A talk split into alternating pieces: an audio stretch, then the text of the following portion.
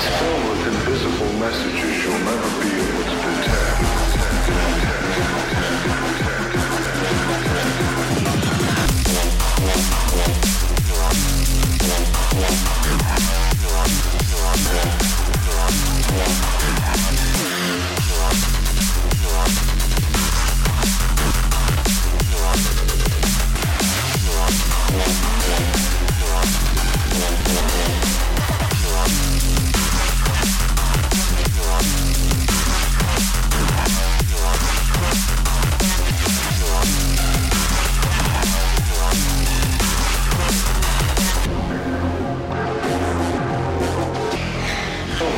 invisible